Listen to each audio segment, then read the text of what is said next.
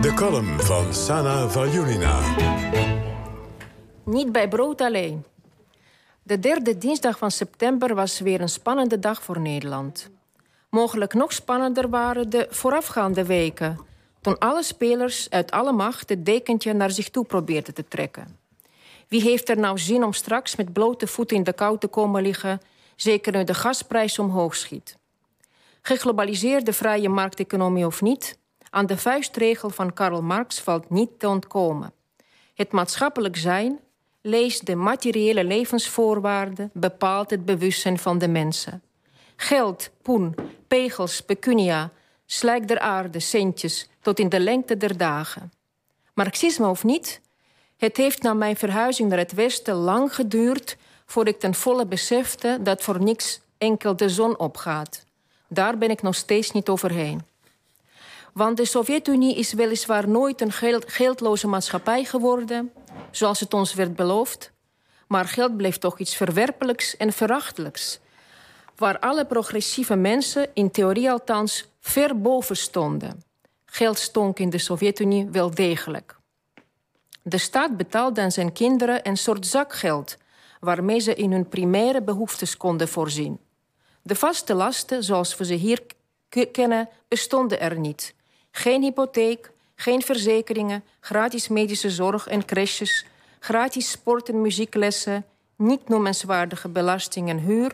lage stroom- en watertarieven, gratis of bijna gratis vakantiehuizen... vraag niet van welke kwaliteit. Hoe zag de micro-economie van ons gezin er eigenlijk uit? Dat naar westerse maatstaven bij de middenklasse zou horen.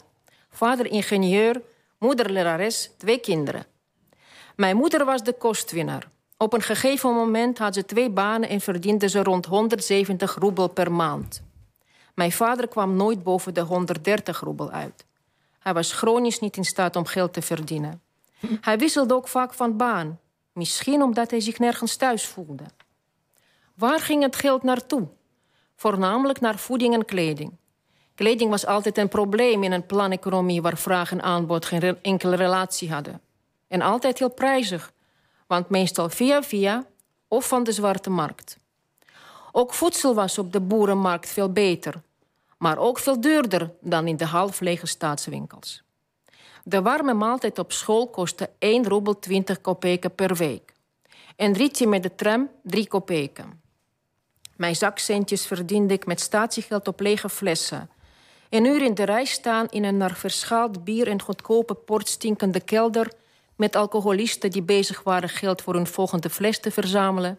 En ik was drie roebel rijker. Kon ik weer naar de bios en naar de kermis. We konden het net redden, maar geen luxe goederen.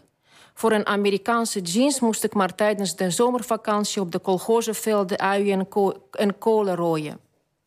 En in het dagboek van mijn vader las ik eens dat hij en mijn oudere zus mijn moeder hadden gesmeekt om een bandrecorder te mogen kopen met van die spoelen. Maar ze was onvermurfbaar. Net als mijn Nederlandse schoonmoeder was zij de baas van de portemonnee, maar dan zonder kasboek. Later is die bandrecorder er toch gekomen en kon mijn vader eindelijk opera-arias en Franse chansons opnemen. Boeken en platen bleven ons huis overigens wel binnenstromen slant in het gezinsbudget. Want niet bij brood alleen. Daarover waren mijn ouders het uiteindelijk toch altijd met elkaar eens.